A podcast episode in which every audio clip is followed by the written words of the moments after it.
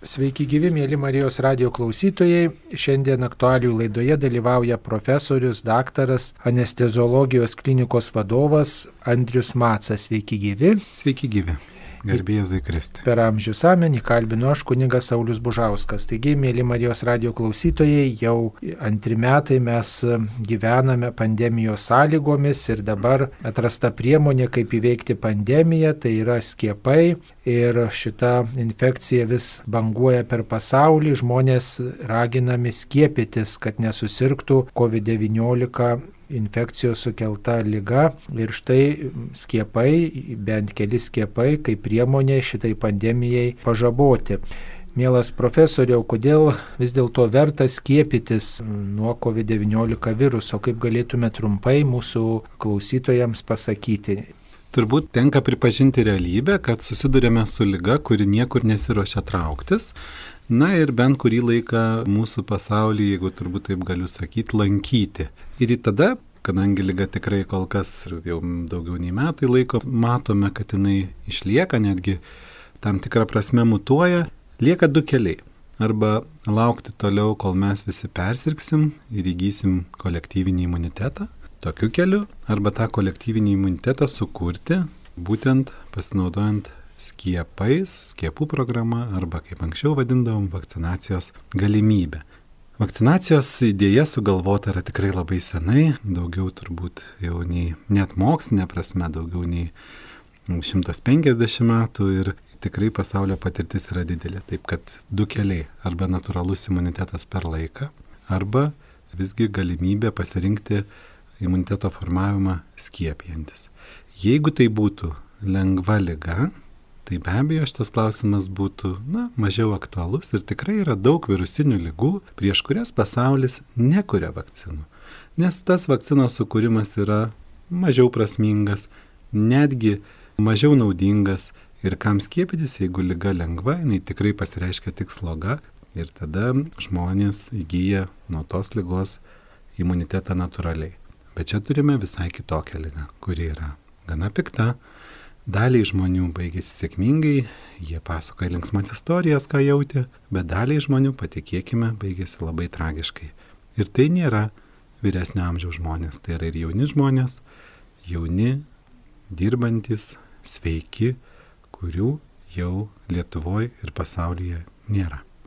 Arba jeigu ir pasveiksta, gali būti ir tokie liekamieji reiškiniai. Taip, ir liekamųjų reiškinių yra daug ir jie labai įvairūs. Man tikrai patinka vis iliustruoti pavyzdžiais, kurie atkeliauja iš mano aplinkos, iš mano gydytojų, su kuriais mes bendraujam kasdieną, kur žmonės tikrai nejokauja tai, ką jie patyrė, jaučia ir toliau tuos simptomus. Turime gydytojų, slaugytojų persirgusių, kurie liko gyvi, nes aš turiu draugų, kurių jau nebeturiu šioje žemėje ir tai gydytojai ir slaugytojos Ir jeigu jūs paimtumėt Lietuvos skaičius, jie įspūdingi. Mes neturime nuo gripo, aš neturiu draugų nuo gripo žuvusių savo gydytojų ar slaugytojų pažįstamų. O pažįstamų gydytojų sirgusių COVID-19 infekcija ir slaugytojų ir žuvusių aš turiu jau dešimtimis. Tai skaičiai yra pritrenkiantis per vienus metus. Na, todėl ir aišku, kad ta lyga ir savo aktyviuoju periodu, ir vėlesniu periodu palieka daug šalutinių reiškinių ir žmogui tenka, na, net ir, sakykime taip, sunkiai sirgus, bet sėkmingai persirgus, pavyzdžiui, jis po pusės metų vis dar sunkiai gali užlipti į antrą aukštą, todėl kad trūksta kvapo. Galbūt vėliau jam pavyks atstatyti plaučių funkciją iki tokio lygio, kad jis galės vaikščioti kaip anksčiau, bet kiek tai užtruks. Na ir tikrai tai yra tikri pavyzdžiai.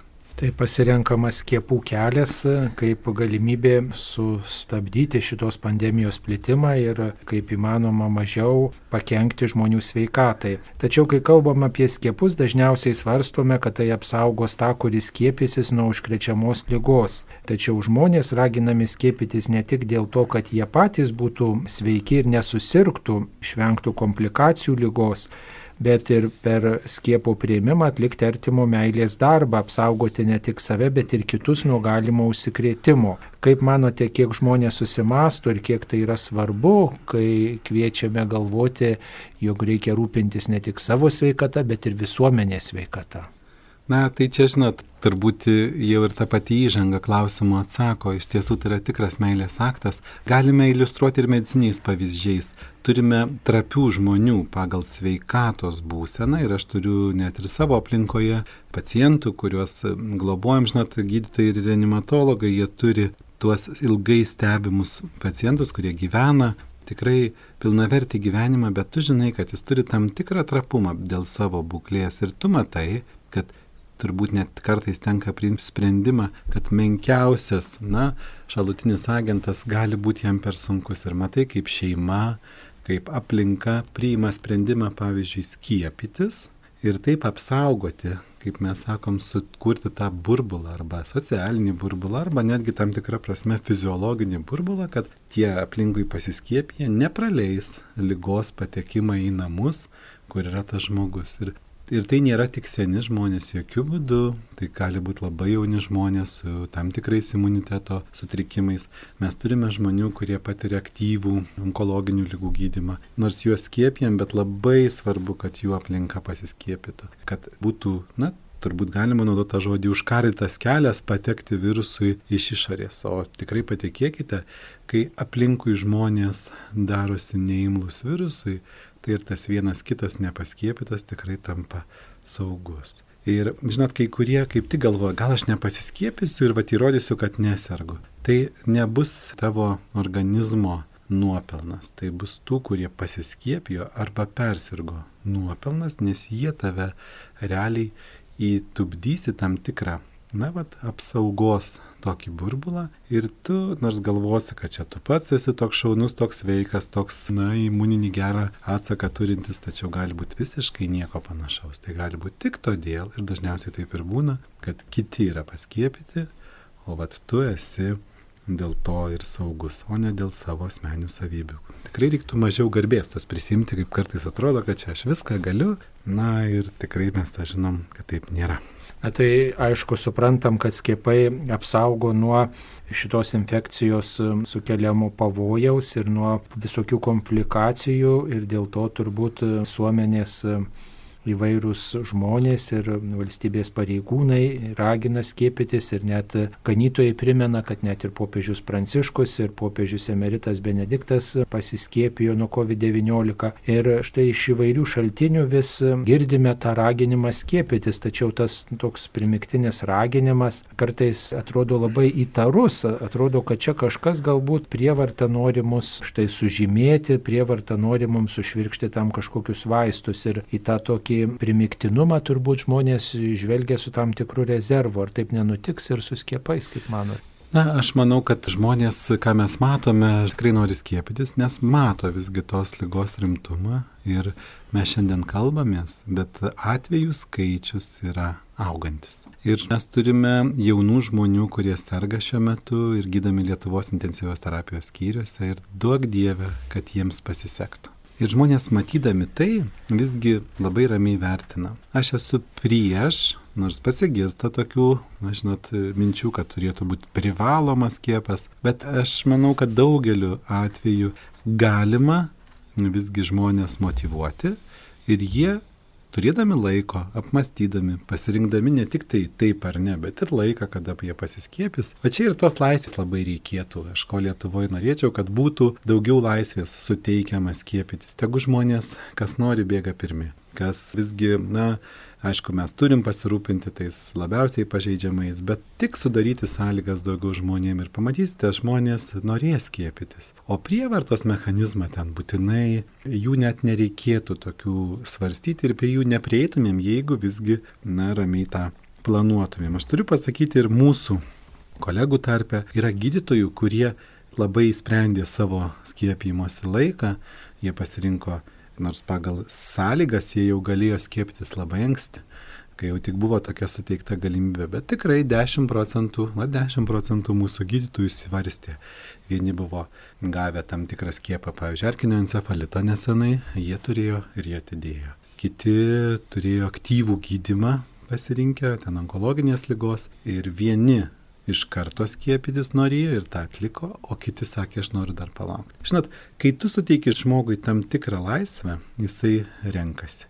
Ir mes dar turim daug laiko, kol turėsim tų skiepų apšiai. Tai tinkamai dėliojant motyvus ir argumentus, nukreipiant, kad, na, tikrai jauniems žmonėms jų rizika tai yra labai nedidelė, nykstamai maža ir kitai, kai kalbam iki 18 metų, ar ne, bet kai mes pradam kalbėti jau apie 35-40, jau mes šiek tiek kitokius skaičius turime. Tai tinkamai dėliojant motyvus ir argumentus, aš manau, kad jokios prievartos turėtų nebūti ir žmonės daug lengviau e, galėtų priimti tą ir žinę, ir savo sprendimą padaryti be jokio, na, kažkokio tai represinio ar primiktinio mechanizmo apie skipus e, iš įvairių šaltinių galima rasti tokios prieštaringos informacijos. Kaip pasirinkti teisingą informaciją ir netapti manipulacijų, propagandos auka, ypatingai yra ir tų skiepų kritikos tam tikros ir, ir žodžiu, vieni skiepai statomi kaip geresni, kiti kaip prastesni, kaip čia tinkamai orientuotis.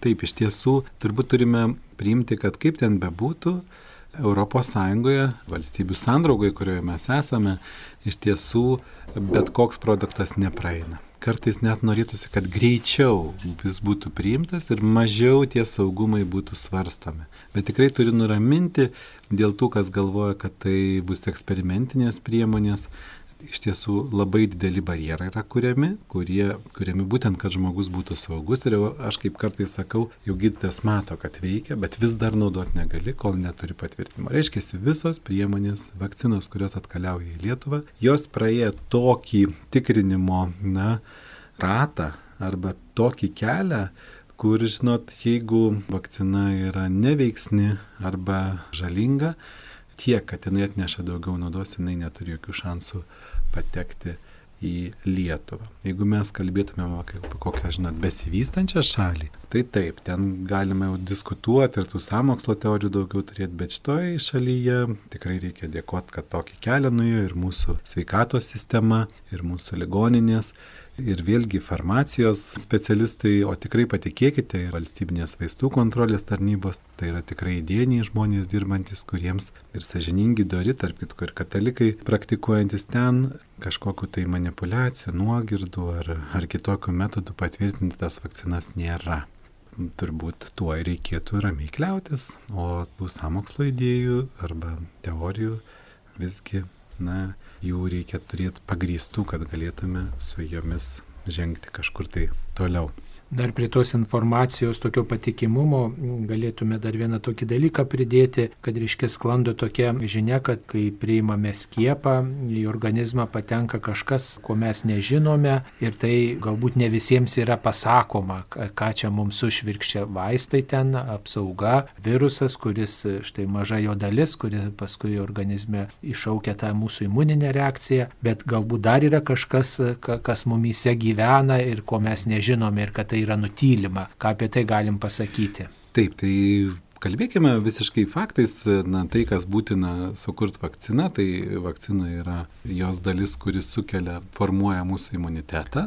Yra kita dalis, tas kistoji terpė, kurioje ta medžiaga konkreti, kuri formuoja imunitetą, turi išlikti stabili. Tai be abejo mes gaunam tirpalą, mes gaunam galimai net tam tikrą stabilizatorių priklausomai nuo vakcinos, kas stabilizuoja tą dalelę. Tas medžiagas gali būti alerginė reakcija, mes tą ir diskutuojame. Bet čia turbūt yra klausimas, ar nėra įdėta kokių nano mikroschemų, kažkokių tai čipų ir taip toliau, ar nėra, čia mes kažkaip programuojame ir po to būsime kaip kažkokia avinų banda ar tam tikrą prasme, atsiprašau, išsireiškimą zombiai, kurie vykdysim kažką pagal paliepimus.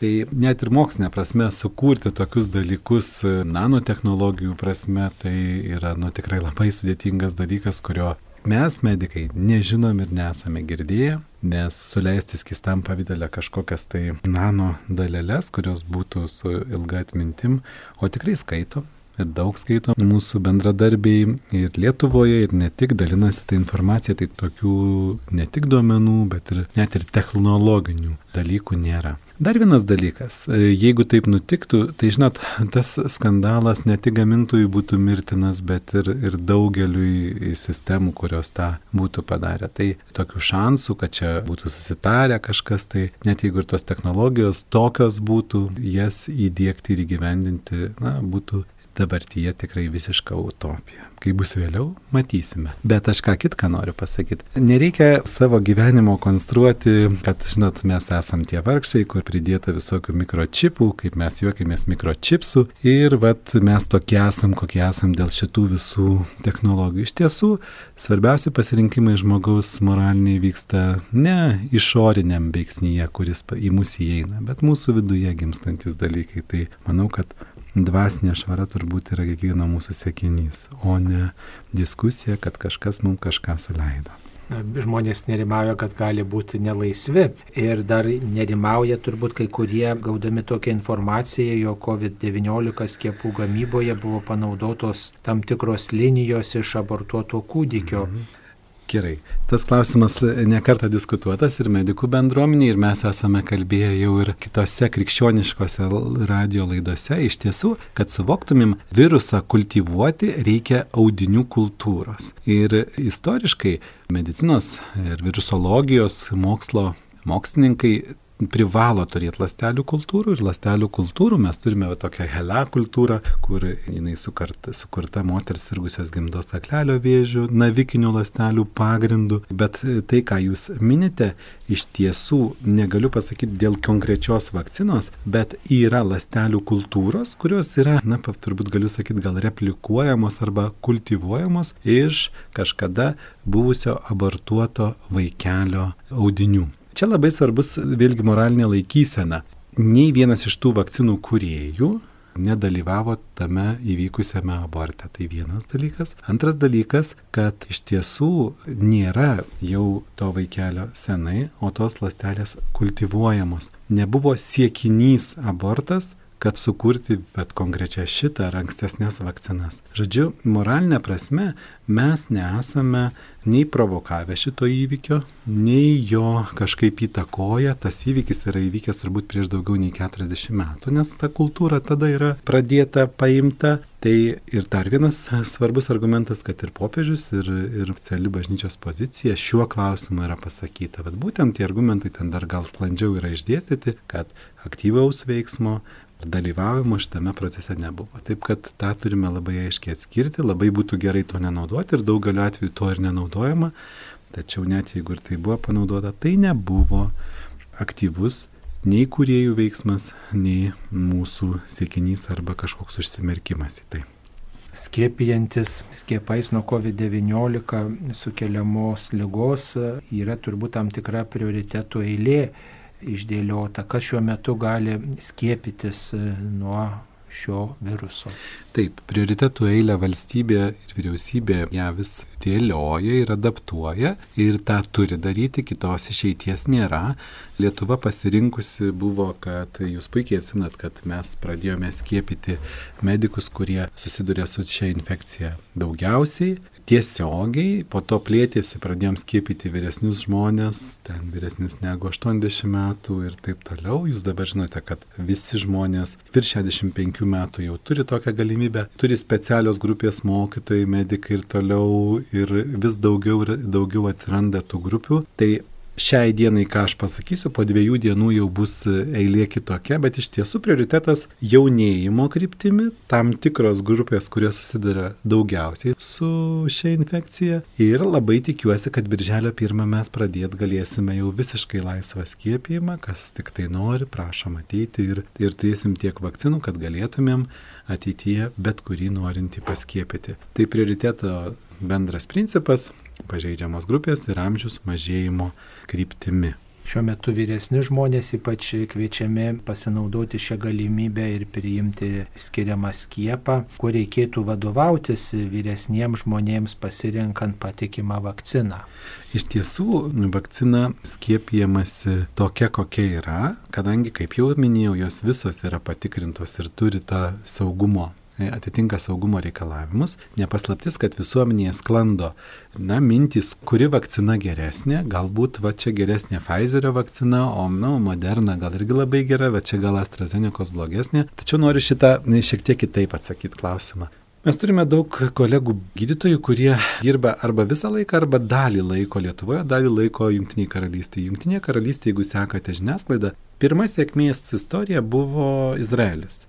Bet antroji sėkmės istorija turbūt galima sakyti ne Čilė, kuri susiduria su sunkumais tam tikrais, todėl kad vis dar neturi pakankamo procento pasiskiepijusių ir labai svarbu motivuojant, aš dar grįžtu prie klausimo, kad jeigu kuo daugiau bus pasiskiepijusių, tuo greičiau ta lyga, ta jos užsikrečiamumo kreivė, mes sakom, nulinks. Tai vad, čiliečiai jie skiepijosi procentas buvo nepakankamas, jie labai greitai pradėjo skiepyti, tas tempas buvo geras, bet paskiepytos populacijos arba žmonių dalis yra nedidelė ir dabar vėl ten banguoja. Ir pas mus banguoja. O Britai ką jie pasiekė? Jie pasiekė, kad pas juos daug pasiskiepijo ir kreivė dabar ženkliai, nors įsivaizduokit Londonas 12 milijonų žmonių kaip tankų, bet kreivė staigiai važiuoja žemyn. Kodėl? Todėl, kad jie skiepijosi ir AstraZenecos vakcina ir labai intensyviai, bet mūsų daktaras Lietuvos anesteziologų ir animatologų draugijos prezidentas dirba ligoniai, kuris susideda iš dviejų dalių.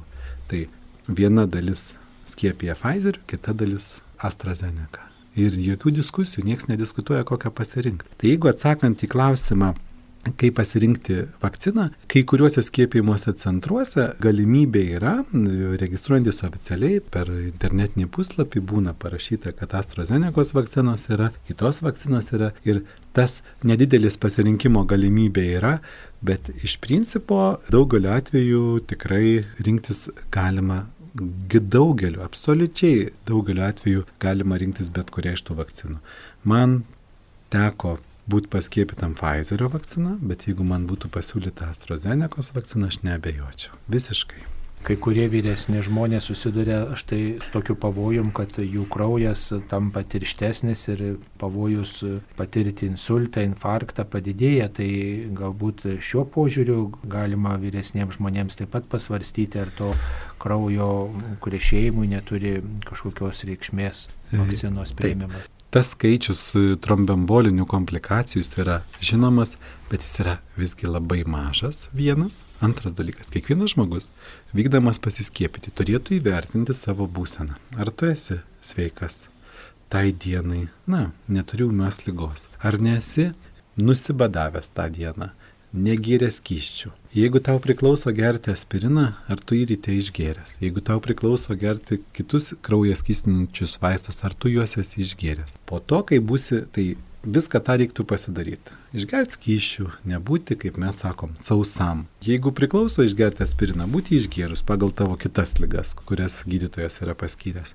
Po vakcinacijos irgi negulėti, nepatirti kažkokio tai sustingimo, bet tiesiog gerti skyščius, atlikti savo kasdieninius veiksmus, net jeigu ir atsiranda kažkokie šalutiniai veiksniai, negulėti lovoje ten ir laukti, kai bus toliau, o tiesiog būti pagal galimybės aktyviu. Ir visos tos rizikos ženkliai mažėja. Tai turbūt tą turime nuraminti, kad visgi vakcinacijos saugumas yra labai didelis. Ir daugelį šalutinių veiksnių, kurie gali kilti, juos galima sėkmingai valdyti. Apie juos turbūt gal dar vėliau ir pakalbėsim. Taip, e, priimant e, skiepą, tam tikras viruso kiekis patenka į žmogaus organizmą, kad e, formuotųsi imuninė organizmo reakcija. Tačiau kai kurie žmonės įsigandę pakilusios temperatūros, galbūt kitų požymių tokių, kurie primena lygą po skiepo, štai svarsto, kad galbūt va pasiskiepijau ir dabar susirgau COVID-19. Ir ar galim taip sakyti, klausti tokių klausimą, kad ar skiepai gali sukelti COVID-19 lygą? Atsakymas atsakymas ne.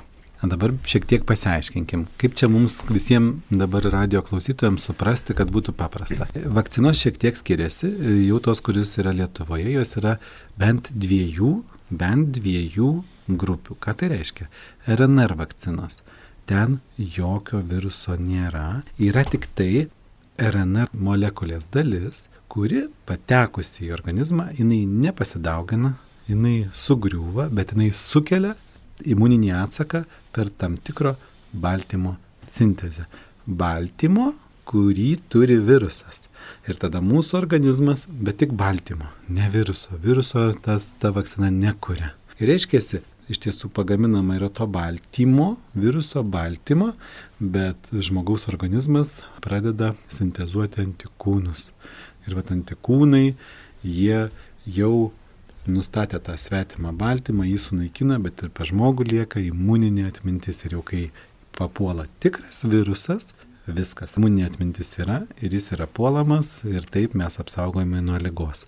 Kitos vakcinos, kita, na, linija vakcinų, jos yra kurtos tam tikro kito viruso pagrindu, bet to viruso tokia yra būsena, kad jis sukelt COVID-19 ar kitos virusinės lygos negali. Tai turim nuraminti, kad vakcinoje ta, bet tarkim, kitos linijos e, vakcina, kur yra viruso pagrindu, kur, kur ta vakcina jokios virusinės lygos pasukelt negali. Tada kyla klausimas. Kaip čia nutinka, kad dalis žmonių pasiskiepė susirga COVID-19 infekcija. Ir dar kas įdomiau, nutinka sekančią dieną po pasiskiepimo. Tai čia reikia ir labai gerai tai įvertinti. Jeigu tu tą dieną, kai skiepijasi, jau buvai susidūręs su virusu, arba prieš kelias dienas, arba net tą pačią, dėje, bet vakcina neapsaugo. Dar neapsaugo tavęs ir tavo organizmo susidūrimas su virusu arba įvyksta lyga, lengvos ar vidutinės ar sunkos formos, arba neįvyksta. Tai tapatinti COVID-19 infekcijos susirgymą su vakcina yra neteisinga ir tikrai po vakcinacijos žmogus negali susirgti dėl vakcinos. Vakcinos leidimo ne. Bet jeigu jisai turėjo užsikrėtimą, Taip, vakcina neapsaugo. Jis neapsaugo vėliau, aš čia turiu tokių skaičių ir jūs matot, vat, jeigu mes juos vat, kartu su jumis žiūrėtumėm, tai po tam tikro laiko praėjus ten antrai doziai efektyvumas 95 procentai. Kitų vakcinų po vienos dozės 85, pavyzdžiui. Kitos po dviejų dozių 82, trečios ar ketvirtos jau 94. Bet tai turi praeiti laiko ir tas laikas netrumpas. Tai gali būti po antros vakcinos dozės dar 2, 3, 4 savaitės, kai mes turime jau pilnai susiformavusi tą stipriausią imunitetą tas šalutinis poveikis yra atpažįstamas vartojant įvairius vaistus ir žmonės turbūt gauna įvairios informacijos apie vakcinos šalutinį poveikį ir dėl to nerimauja, į ką reikėtų atkreipti dėmesį, kalbant apie šalutinį vakcinos poveikį. Na, turbūt visų pirma, reikia nusiteikti, kad vakcina yra aktyviai veikiantis agentas ir po vakcinacijos galima tikėtis šalutinio kažkokio tai reiškinio. Dabar kokie šalutiniai reiškiniai? Pats paprasčiausias reiškinys turbūt būtų alerginė reakcija, jinai gali būti dūrio vietoje arba, na, viso organizmo. Ir tam po skiepijimosi prašoma žmogaus pabūti kurį laiką skiepijimo centre, nes priemonės, kaip tą įveikti, yra tikrai. Tai alerginės reakcijos jos yra tikrai gerai valdomos ir jų valdymo esmė, kad būti medicinos personalo arba skiepijančio personalo akivaizdoje bent 15 minučių. Antra grupė, jeigu taip galiu pasakyti, tai yra lokalūs simptomai, kažkur tai to dūrio vietoje, kai žmogui ar ištinsta petis, ar paburksta limfmasgiai pažastyje, ar skauda ranką, atrodo, kad tai nutirpus. Kartu gali būti arba nebūti sisteminiai reiškiniai. Pavyzdžiui, atsiranda bendras kažkoks tai kūno sunkumas, galbūt mažas šaltkritis, pakyla temperatūra. Irgi yra rekomendacijų, kaip juos valdyti. Pavyzdžiui, kai kuriems žmonėms duodamas, na, vaistai pavyzdžiui, nuo uždegimo duodamas paprastas mums žinomas vaistas nuo skausmo, kad tai ir koks ar diklofenakas, ar ibuprofenas, arba tas pats paracemolis ir tai labai sėkmingai suvaldoma. Yra ir retų šalutinių reiškinių, kuriuos ir mūsų mokslininkai tyria, ir, pasaulio mokslininkai tyria, bet jie visi, absoliuti jų dauguma, yra mažo išreikštumo, ypatingai reti ir tranzitoriniai, ką reiškia, jie yra praeinantis. Ir aš tikrai galiu pasakyti, mūsų klinika, anesteziologijos klinika yra didelė klinika, daugiau negu 250 žmonių dirbančių ir paskiepytų. Ir mes matėm, tai vienam tuo metu buvo galbūt rankos silpnumas. Kitas pajuto, kad šiek tiek akies jautrumas atsirado ir tikrai pasitikrino trumpalaikis ten e, akies junginės uždegimas. Matot, tų yra tokių egzotinių šaltinių reiškinių, bet jie yra valdomi ir praeinantis.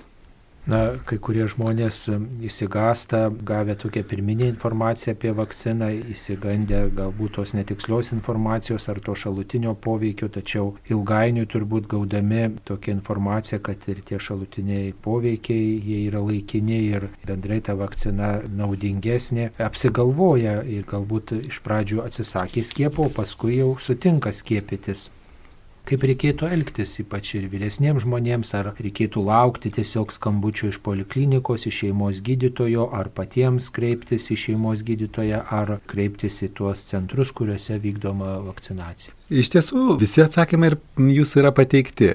Aš tai nematau jokios didelės bėdos, netgi gerbiu žmonių nuomonę, kurie, jeigu jiem pasakė, kad reikia, jau galėjo vasarį skiepytis, bet jie skiepijosi vėliau. Nieko čia tokio kažkas turėjo galimybę anksčiau pasiskiepyti, o žmogus turėjo galimybę pagalvoti. Net mano mama, jinai turbūt galimybę įgyjo kovo mėnesį, bet tuo metu turėjo numatytą operaciją buvo ir jos buvo pačios sprendimas, kad visgi aš dieną prieš operaciją nesiskiepysiu. Ir labai teisingas sprendimas. Įvyko operacija, po jos vėl kreipėsi į vakcinacijos centrą, buvo pasakyta, kad jūs atsisakėt. Jis sako, nu aš neatsisakiau, aš pasirinkau pagal savo numatytą gydimo planą. Gerai, sakė, paskambinkit po savaitės. Paskambino po savaitės ir tokia galimybė tikrai yra, jinai įtraukta ir atvyko ir pasiskėpėjo dabar. Tai jeigu mastei nieko tokio, jeigu apsisprendai, gali kreiptis tik į savo polikliniką, į savo šeimos gydytoją, tiek tiesiai į vakcinacijos centrą. Netgi elektroninės sistemos internetu galima registruotis sėkmingai. Yra žmonių, kurie serga lėtinėmis lygomis ir apie jas žino. Yra žmonių, kurie galbūt tik įtarė, kad yra kažkokia lėtinė lyga, bet ji dar nėra diagnozuota. Ar verta tiem žmonėms skiepytis? Atsakymas, bendras atsakymas tikrai verta, nes žmogus sirgdamas lėtinė lyga yra labiau pažeidžiamas ir jo žūties rizika yra didesnė susirgus šią infekciją. Yra kai kurios lygos, kurias puikiai išmano šeimos gydytojai ir jie puikiai patars ir pasakys, kad na, galbūt šitoj, aplink šitoj situacijoje mes turime dar palaukti, bet tai yra labai retos lygos, kai mes neskiepėjame, bet paprastai bendra tvarka, gretutinė lyga yra kaip tik reikalas ir būtinybė skiepyti kaip galima anksčiau. Tai atsakymas trumpas. Bendras atsakymas yra, kad skiepyti turime gretutinėmis lygomis sergančius žmonės anksčiau. Ir turbūt reikėtų pasitarti su šeimos gydytoju. Būtent. Tiesiog galbūt gydytojas ar primiršęs yra to žmogaus lėtinę lygą, ar jį tiesiog dabar nesireiškia kažkaip, kad pasitartų žmogus ir tą nerimą kažkokį išsklaidytų. Taip, natūraliai, tikrai taip. Kaip yra su skiepais neščiosioms motinoms, kurios laukėsi vaikelio? Taip, labai geras klausimas. Šitie tyrimai būtų labai sudėtingi, bet žinot, kai pradėjo skiepyti, aš turiu iš karto atsakyti, mūsų gydytojos, mano pažįstamos, kurios besilaukiančios buvo tuo laikotarpiu jos skiepėsi o mūsų akušerijos gynekologijos klinika ir mokslininkai nemažai yra skiria dėmesio šiai ir moksliniai literatūrai analizuoti iš tiesų net tose studijose, kur buvo vertinamos vakcinos ir jų saugumas. Taip jau nutiko, kad moteris, kurios sutiko skiepytis, būdamos niešios dar nežinodamos, kad niešios, jos pateko į tą vat, tyrimus, tuos, kurios darė užsienio valstybėse. Ir turime pasakyti, kad bendra išvada labai aiškiai, ta vakcinacija neštumo eigai įtakos jos neturėjo. Ir na, bendra rekomendacija yra tokia.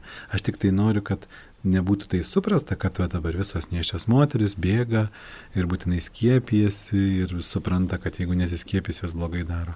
Ta laikysena, kurią aš suprantu, tikrai labai aiškiai rekomenduojame, bet kiekvienas žmogus turi pajausti save. Ir jeigu moteris neščia, jaučiasi priimanti vieną sprendimą, jį tikrai reikia gerbti. Gal bus, kai neneščia, tada galės pasiskiepyti. Na, yra įvairių tų nuomonių, bet e, tikrai jas reikia gerbti ir suprasti. O kaip su skiepais, kurie būtų skiriami vaikams, paaugliams, e, jaunimui?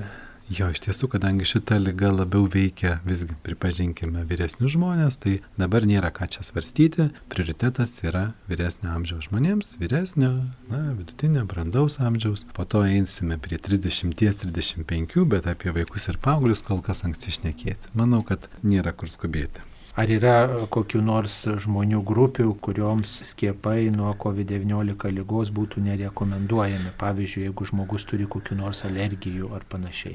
Labai paprastas atsakymas, net ir alergiškiams žmonėms tikrai rekomenduojami. Šie skiepai apie gretutinės lygas jau atsakiau, kad gretutinė lyga ne priežastis neskiepyti, bet kaip tik priežastis didžiausia daugeliu atveju skiepyti yra labai specifinės lygos arba gydimo procesai, kai nuo vakcinacijos proceso tenka susilaikyti kurį laiką, pavyzdžiui, kaip jau minėjau, aktyvus periodas prieš ir per ir po operaciją. Aktyvus periodas, kai mes siunčiame žmogų tam tikrai chemoterapijai galbūt biologiniai terapijai. Va tais momentais čia yra gydytojų, ne tik šeimos, bet ir gydytojų specialistų sprendimas. Bet jau čia pacientui arba gyventojui visai nereikia pergyventi, jeigu jis tai turi tam tikrą lygą, jis yra gydamas, aktyviai gydamas, jam bus pasakyta. Bet radio klausytam nėra ką čia diskutuoti, aš galėčiau išvardinti ne vieną, bet jas bus vis tiek tai yra po vieną, du žmonės per dieną mūsų ligonėje, kur tenka sulaikyti didžiulę ligonę, kur mes iš tiesų turime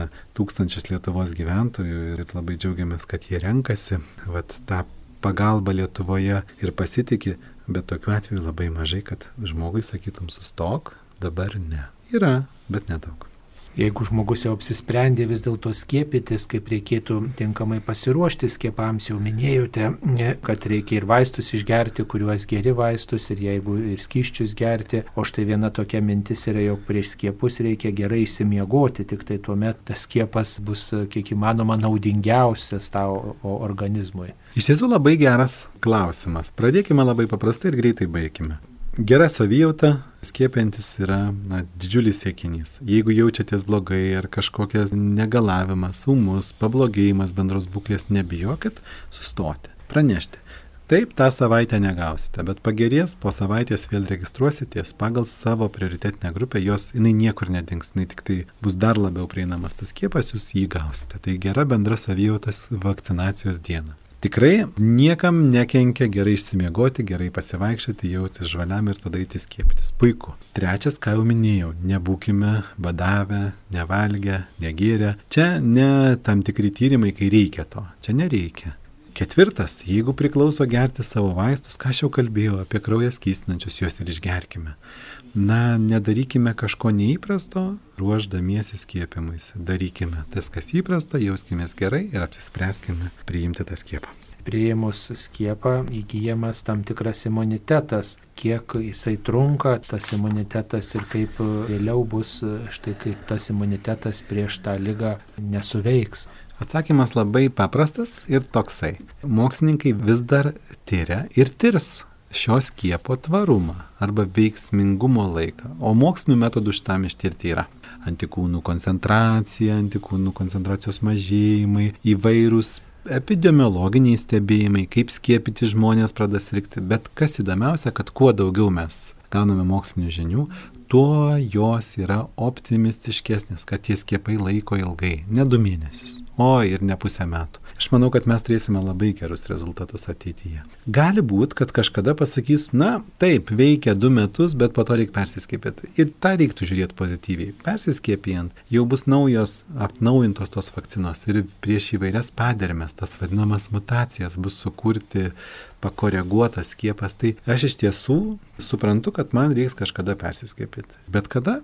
Nežinau. O gal mokslininkai pasakys, ne, žinai, Andriu, tau už 15 metų tik reiks persiskipyti. Gerai, persiskipus už po 15 metų, o gal sakys po dviejų. Tada, tada tyrimus tam tikrus reiks daryti. Ir bus atsakyta, kokius tyrimus padaryta. Mes turim bendrųjų, pavyzdžiui, jeigu ten skiepytas esi nuo arkinio encefalito, yra galimybė ir, ir kitų lygų pasidaryti antikūnių koncentraciją, pagal tai sprendžiama, tas pats nuo hepatitų ir taip toliau. Tų rekomendacijų yra ir čia tikrai bus daug rekomendacijų ir labai tiksliau, nes šita lyga, nu, ją daug investuota, jos tyrimus į, na, tikrai pasaulis labai susivienio, čia reikia matyti ir tą pozityvumą, nors pati lyga atnešė mums daug išbandymų. O jei žmogus anksčiau ar vėliau yra persirgęs vieną ar kitą COVID-19 formą, kaip dabar reaguoti į tą raginimą skiepyti? Kai jau ateina laikas žmogui, o iš tiesų irgi rekomendacijos šiek tiek keičiasi. Buvo manoma, kad po 90 dienų, po 3 mėnesių, dabar po 180 galbūt, bet kai yra galimybė gauti skiepą, jį priimti. Mūsų gydytojai, kurie buvo tik tik persirgę, ar biškiai truputėlį anksčiau persirgę, jie jau yra pakviesti ir jie tą skiepą priėmė. Tas pats su slaugytojomis. Ir tikrai nei vienam nebuvo blogiau. Jeigu mane pakvies persiskipit po, tarkim, rudenį, sakys, žinai, Andriau, ateik. Gerai. Bet duosim AstraZeneca. Gerai. Nebus jokių abejonių. Aš net gal ir norėčiau su kita, kad jinai dar man patobulintų tą imunitetą. Na, va tokia mano būtų mintis. Štai po skiepo, tas skiepas priimamas du kartus, pirmas etapas ir antras etapas būna, kokiu priemonių reikia laikytis atlikus visą vakcinacijos nuo COVID-19 lygos kursą pagal nustatytą skiepijimo schemą. Tai atsakymas būtų iš dviejų dalių. Vakcinacijos proceso metu neatsipalaiduoti, nes tavo pažeidžiamumas jie išlieka. Nėra taip, kad vakar pasiskiepėjai, šiandien jau atsparus mes turim kalbėti apie gal 50 dienų nuo pirmo skiepo, o tiem, kas AstraZeneca vakciną skiepės ten 12 savaičių yra netgi intervalas, tai turime 3 mėnesius, tai išliekame būdus, laikomės bendrų principų, tikrai norėsis apsikabinti, bet dar ne dabar, norėsis pasėdėti, bet dar ne dabar, einame į lauką vaikščiamės, nesibūriuojame, na vis dar galvojame. Vėliau, kai jau būsime, dalis jau yra visiškai atsparių. Bet čia reikėtų irgi tokio, na, bendro supratingumo. Gali būti, kad tu jau ir nesirksi, sunkia forma nesirksi, bet šitą lygą gavęs, tu būsi kurį laiką nešiotoju. Nes skiepimas neapsaugo nuo nešiojimo. Tai turi būti samoningas, kad neperduoti tos lygos lengvai besijausdamas kitiems. Iškės, šis laikotarpis išlieka budrumo laikotarpiu, skiepijimosi periode ypatingo dėl savęs, o jau vėliau ir dėl kitų. Taigi skiepai tokia priemonė sutramdyti pandemiją, ar tai yra vienintelė galimybė grįžti į įprastą gyvenimo ritmą? Žinote, turbūt taip reiktų atsakyti. Jeigu turėtumėm efektyvių vaistų nuo šito viruso, efektyvių, va, aha, pradėjai simptomus jautėjai, išgeriai tabletę, ryte sveikas. Teoriškai tai gal bus kažkada, nes tai nėra neįmanomų dalykų, na, ypač jeigu Dievas laimins mokslininkų darbus. Yra virusų, kurie tikrai pasiduoda tabletėms. Bet kol kas tokių neturim. Ir tada grįžtame į mūsų laidos pradžią. Lieka du, dvi galimybės. Natūralus imunitetas su dideliais praradimais mūsų artimųjų, kaimynų, Lietuvos gyventojų, pasaulio gyventojų, ar vakcinacija, kuri visgi leis mums tą pandemiją įveikti greičiau. Tai aš manau, aš tai norėčiau, kad mes rinktumėmės tą antrą kelią, kol vienos tabletės neturime. Na, prakalbot apie tabletes, tačiau kai kurie žmonės štai svarsto, kad galbūt yra tam tikri gydimo metodai nuo COVID-19 priemonės, tačiau jos yra neskelbiamos arba mhm. neregistruotos arba kažkaip slepiama ir galbūt jau dabar ir yra gydytojai suradę tuos gydimo būdus, kaip gydyti nuo šios lygos. Iš tiesų labai norėtųsi, norėtųsi, kad jau čia būtų kažkur tų paslėptų tablečių, mes susiorganizuotumėm kaip nors, kad gautumėm. Deja, nėra. Mes pačioj pandemijos pradžioj nepaslaptis, kad buvo daug duomenų, tyriamas tas, tyriamas tas, tyriamas tas, tyriamas tas. Visokie prieškirmeliniai, priešmaliariniai vaistai, turint logikos, kad ten priešmaliariniai veikia intralastelinį parazitą, lastelės viduje parazituojantį organizmą, na pavyzdžiui, čia tą virusą. Bet visgi dėja, dėja. Ir žinot, ne tik mokslininkų tyrimais ir savo patirtimi matome, dirbdami ligonį, gydydami šios ligonius. Mano paskutinis pacientas, trijų metų berniukas, šį savaitgalį Kauno klinikose, kurį teko operuoti, sergant viena lyga, kartu esant COVID-19 infekcijai, dėja neturime, neturime tų tablečių, kurios veiktų unikaliai, ar kažkokios ampolės, kaip žmonės sako, arba lašalinės, kurias sulašėjus praeitų. Tačiau mes nepamirškime kad bendras organizmo stiprinimas yra labai svarbus. Vitaminai, kurie žmogus natūralūs, geriausia, ar daržovės, ar kažkas, visa tai leidžia sirgymo metu efektyviai kovoti, palaikyti savo gerą būseną. Jūs suprantat, kad jeigu žmogus yra gerai turintis daug mikroelementų savo organizme, nebadavęs, neturėjęs kažkokių nedateklių, jis turės rezervą. Ką reiškia rezervą?